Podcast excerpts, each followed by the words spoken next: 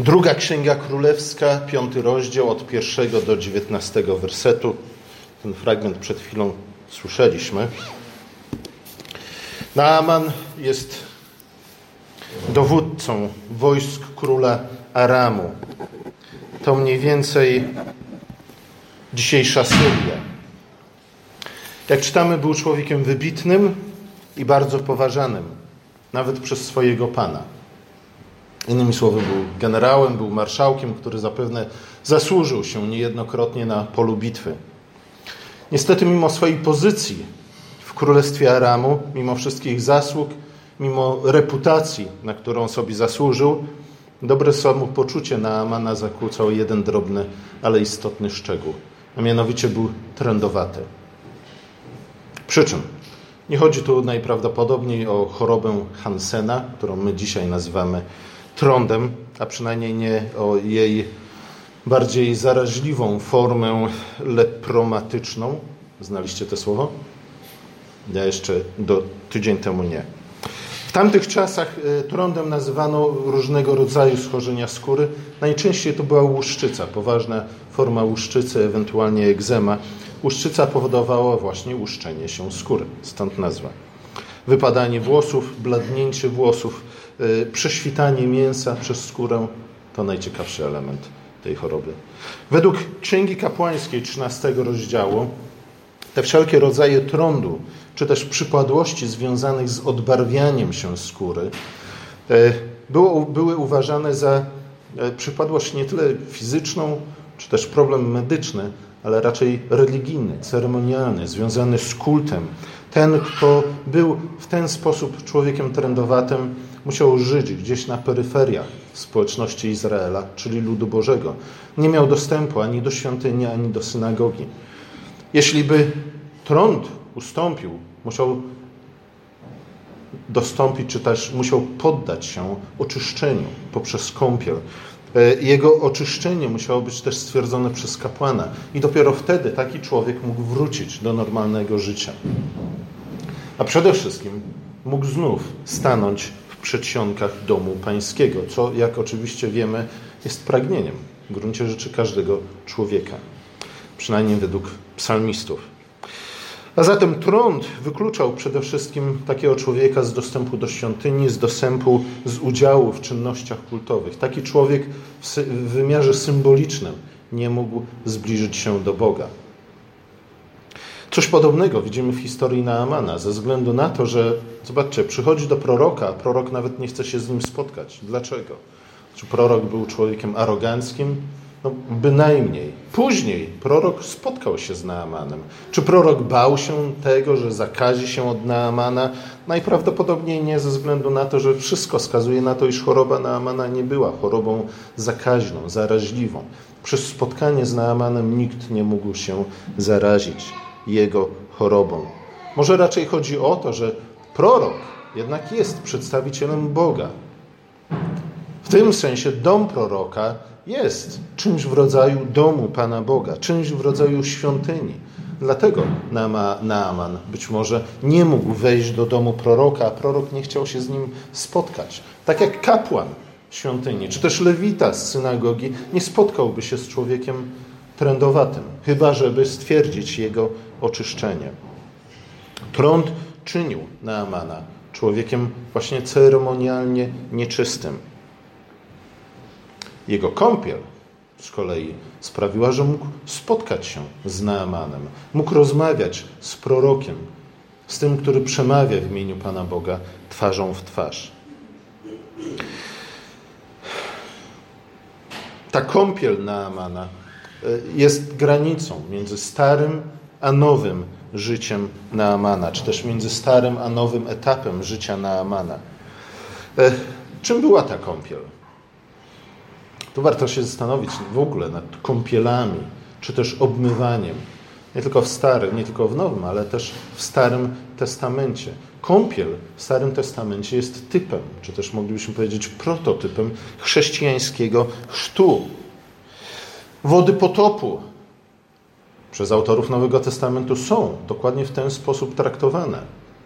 Podobnie jak przejście przez Morze Czerwone Tutaj Paweł w pierwszym liście do Koryntian, w dziewiątym rozdziale, czyni wyraźną paralelę między właśnie chrztem, którym było przejście przez Morze Czerwone, a chrztem chrześcijańskim.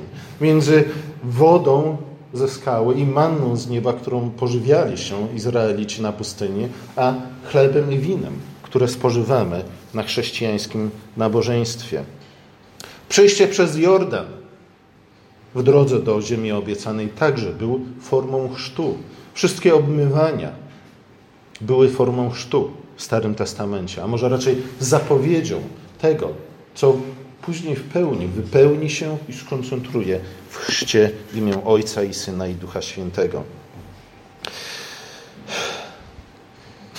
A zatem możemy pewnym sensie mówić o chrzcie Naamana, ponieważ tym była właśnie ta kąpiel. A ze względu na to, że Naaman był poganinem i dostąpił tego chrztu, dlatego też to, co dzieje się w przypadku Naamana, kiedy kąpie się w Jordanie na rozkaz proroka, z tego możemy wiele nauczyć się na temat tego, czym jest chrzest chrześcijański i jakie są implikacje tego chrztu. Naaman zdaje się rozumieć dokładnie o co chodzi w tym chrzcie, w tej jego kąpieli. Tu nie chodzi tylko i wyłącznie o pozbawienie się choroby. Każdy, kto przychodzi do Chrystusa tylko po to, żeby pozbyć się choroby, przychodzi w złym celu, w ogóle kompletnie nie rozumie tego, kim jest Chrystus, ani po co należy do Niego przyjść. Naaman rozumie implikacje Jego chrztu. Naaman bowiem Zaraz później stwierdza, że nie będzie od tej pory czcił nikogo innego, żadnego innego Boga, jak tylko jedynego prawdziwego Boga Jahwe. I zabiera z sobą ziemię izraelską z powrotem do swojego domu, aby właśnie to na niej prawdopodobnie zbudować ołtarz, na którym będzie składał ofiary Jahwe, a przynajmniej ziemię, na którą będzie bił pokłony i oddawał cześć Jahwe. Chrzest Naamana nie jest pustym rytuałem. Towarzyszy jemu zmiana, głęboka zmiana w życiu generała. I nawet nie chodzi o oczyszczenie z tego trądu, ale chodzi właśnie o tę wewnętrzną przemianę, jaką obserwujemy w życiu Naamana. Ale żeby zaobserwować tę, tę odmianę, musimy cofnąć się do początku tej historii. Kim jest Naaman? Jest generałem, jest jakimś feldmarszałkiem, jest naprawdę bardzo ważną postacią, zasłużoną, Kiedyś było takie powiedzenie, nie matura, lecz chęć szczera zrobi z ciebie oficera, ale myślę, że, że Naaman miał i jedno i drugie, i maturę, i chęć szczerą. On rzeczywiście wykazał się, że zasługuje na swoją reputację. Naaman jest człowiekiem, który ma bezpośredni dostęp do króla. Naaman otrzymuje od swojego króla list polecający, który pozwala mu spotkać się bezpośrednio z królem izraelskim. Naaman nie jest byle kim. Naaman jest jedną z tych osób, które mówi swoim sługom idź i ten idzie. Który mówi do sługi zrób i ten robi. Bez żadnej dyskusji. Czy to ze strachu, czy, czy ze względu na reputację, jaką cieszy się Naaman. A Naaman raczej nie był złym panem. Widzimy to w tym, w jaki sposób traktuje tę młodą dziewczynę izraelską, która e, była u niego w niewoli, służącą. Niemniej jednak Naaman jest wielkim człowiekiem i w pewnym sensie, jak każdy wielki człowiek, nie do końca jest w stanie uciec od swojej wielkości. Może Naaman nie był najgorszym panem dla niewolników w Aramie w tym, w tej, w tym czasie, a jednak nie jest człowiekiem wolnym od pychy. Właśnie przede wszystkim to widzimy w życiu Naamana. Drogą od pychy do pokory. Już na początku Naaman okazuje pewną dozę pokory, ponieważ przyjmuje radę od młodej dziewczyny, od dziewczęcia, która na dodatek jest Izraelitką, najprawdopodobniej porwaną gdzieś przy okazji jakiejś wyprawy. Jest w gruncie rzeczy niewolnicą w domu Naamana. Ale w sposób typowy dla generałów wciąż sądzi, że władza i moc ogniskuje się właśnie na dworach królewskich, czy też w gabinetach generalskich. Dziewczynka sugeruje, że na, żeby Naaman poszedł do proroka, który jest w Izraelu, ale Naaman idzie dokąd? Idzie do króla. do króla, niosąc z sobą list od swojego króla. E, król izraelski doskonale wie, wie, że tylko Bóg może leczyć trąd, ale zapomina o tym, że e, Bóg, ten właśnie Bóg, ma swojego proroka w Izraelu. A zatem Naaman, król izraelscy, oni wciąż wszyscy funkcjonują mniej więcej na tym samym poziomie. Gdzieś coś kiedyś słyszeli, ale nie wiedzą, gdzie tego szukać. Ta historia w gruncie rzeczy czyni to, o czym niedawno wielokrotnie mówiliśmy przy okazji świąt Bożego Narodzenia.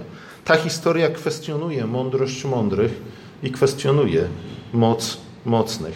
Zarówno Naaman, jak i król Izraela nie wiedzą, gdzie szukać rozwiązania tego problemu, gdzie szukać lekarstwa na trąd, jak sobie z nim poradzić. Są wobec tego problemu, który, jak pamiętamy, jest przede wszystkim problemem związanym z oddawaniem czci Bogu, z więzią czy relacją z Bogiem, są wobec tego problemu całkowicie bezsilni. Władza świecka po raz kolejny okazuje się bezsilna w sferze duchowej. To doświadczenie nie tylko podważa poglądy na Amana, na władzę, ale także zaczyna podkopywać jego osobiste poczucie dumy i własnej wartości.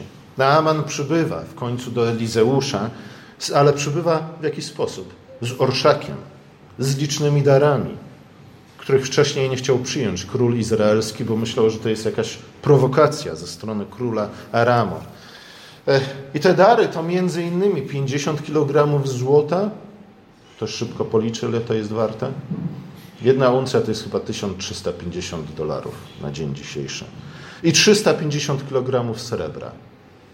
Naaman najwyraźniej chce zrobić wrażenie na proroku. Chce kupić sobie nie tylko zdrowie, ale jak powiedzieliśmy, chce kupić sobie dostęp do Boga. Ale prorok nawet nie chce z nim się spotkać. Prorok nie robią na nim żadnego wrażenia te wszystkie prezenty, pompa, z jaką przybył do niego generał. Na, Naaman e, boczy się w związku z tym na proroka. Odbiera to jako osobistą zniewagę i mówi: Myślałem, że wyjdzie do mnie, tak jak wszyscy zawsze do niego wychodzili. W końcu generałowie są tymi, którzy mówią: Przyjdź. I ludzie przychodzą. Że stanie i będzie wypowiadał zaklęcia w imię swojego Boga.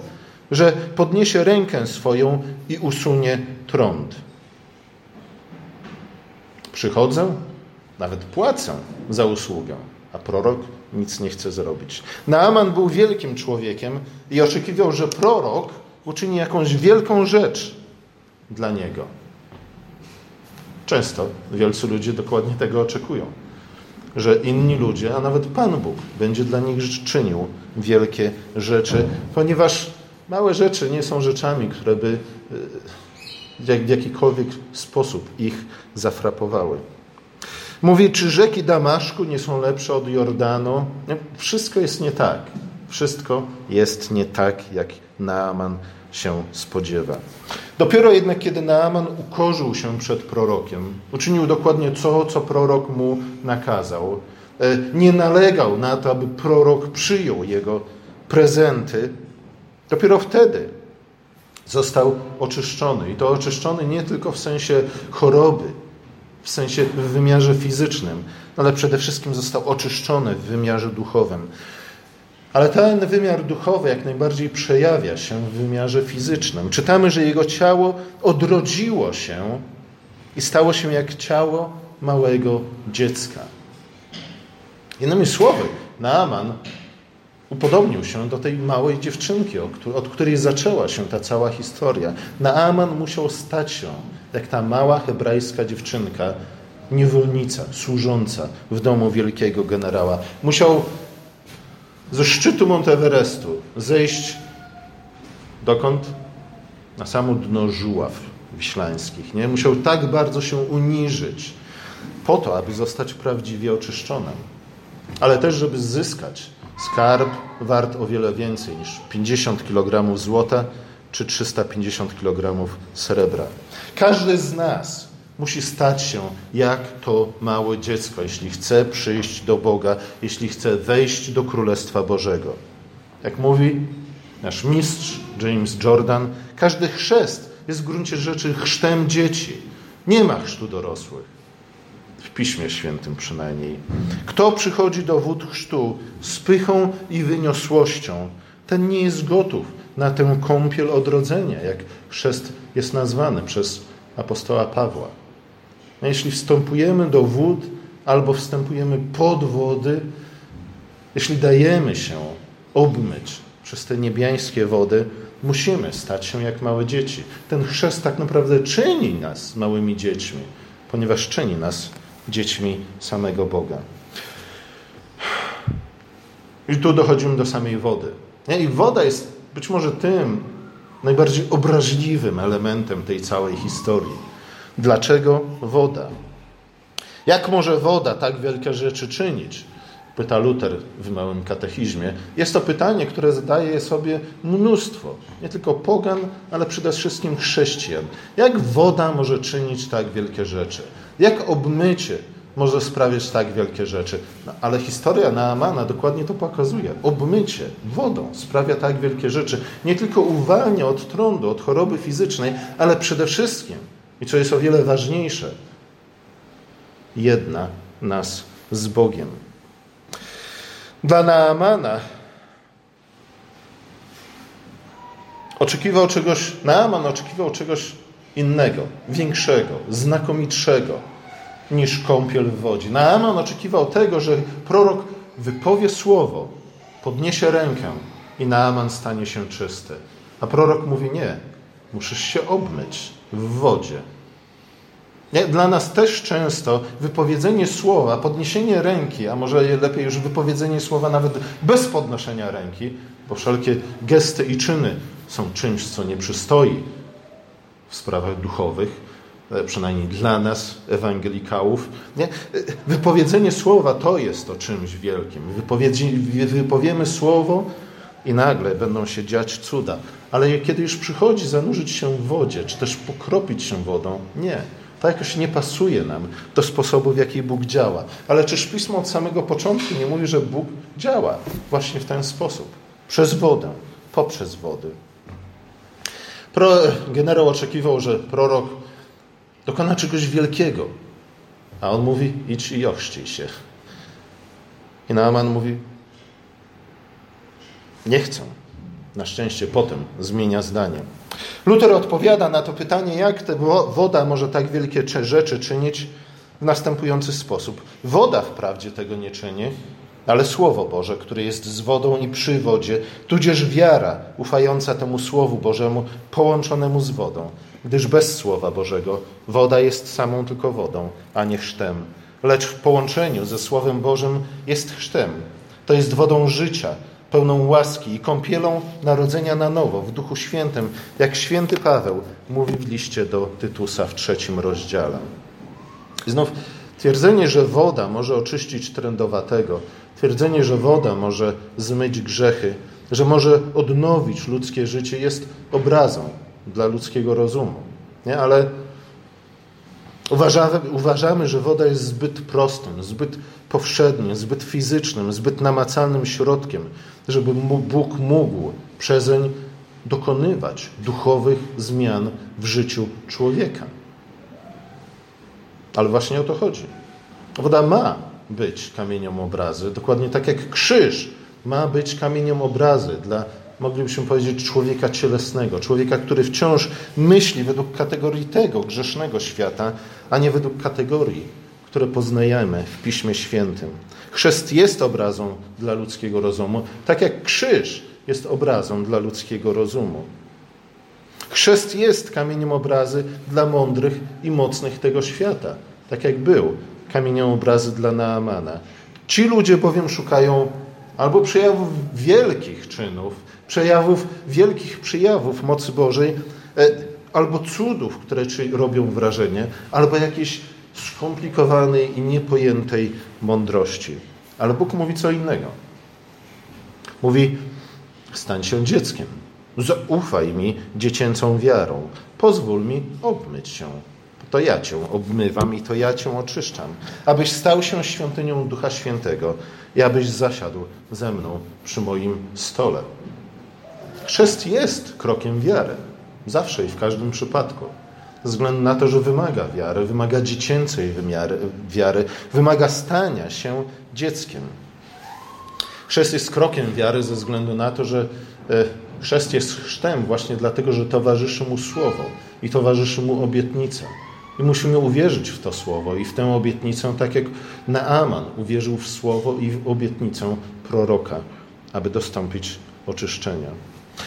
Zapewne historia Naamana nie, nie objaśnia nam całej teologii chrztu, ale myślę, że mimo wszystko wskazuje na pewien bardzo istotny aspekt chrztu, a mianowicie za, na to, że nie zdobędziemy zbawienia, nie pojednamy się z Bogiem, jeśli będziemy próbować zrobić dobre wrażenie na Panu Bogu, e, albo może lepiej, czy gorzej, wielkie wrażenie. Nasze tytuły, nasze bogactwa, nasze zasługi nic tu nie znaczą absolutnie nic. Stanowią tylko przeszkodę w przyjściu do Boga. Czynią z nas wielbłądy objuczone, które próbują przecisnąć się przez ucho igielne. Przychodząc do Boga musimy się stać jak dzieci, jak małe dzieci, a nawet jak niemowlęta, które jeszcze nie obrosły zaszczytami, które jeszcze nie obrosły reputacją, majątkiem, władzą, wpływami, wszelkiego rodzaju pretensjami. Musimy stać się jak dzieci, dokładnie jak małe dzieci, bo tego słowa Chrystus używa w Ewangelii, aby wejść do Królestwa Bożego. Ponieważ do dzieci, w zasadzie tylko do małych dzieci należy Królestwo Boże. Historia Naamana dokładnie to nam mówi. I chrzest w tym wszystkim jak najbardziej pokazuje nam tę potrzebę stania się dzieckiem. Chrzest jest znakiem nowego narodzenia. Właśnie dlatego, że mamy stać się jak dzieci i na nowo wyrastać, wzrastać w nowej rodzinie Bożej. Po chrzcie oczywiście nie możemy pozostać na zawsze jak dzieci, niemniej jednak musimy zawsze do końca życia zachować tę dziecięcą ufność i prostotę.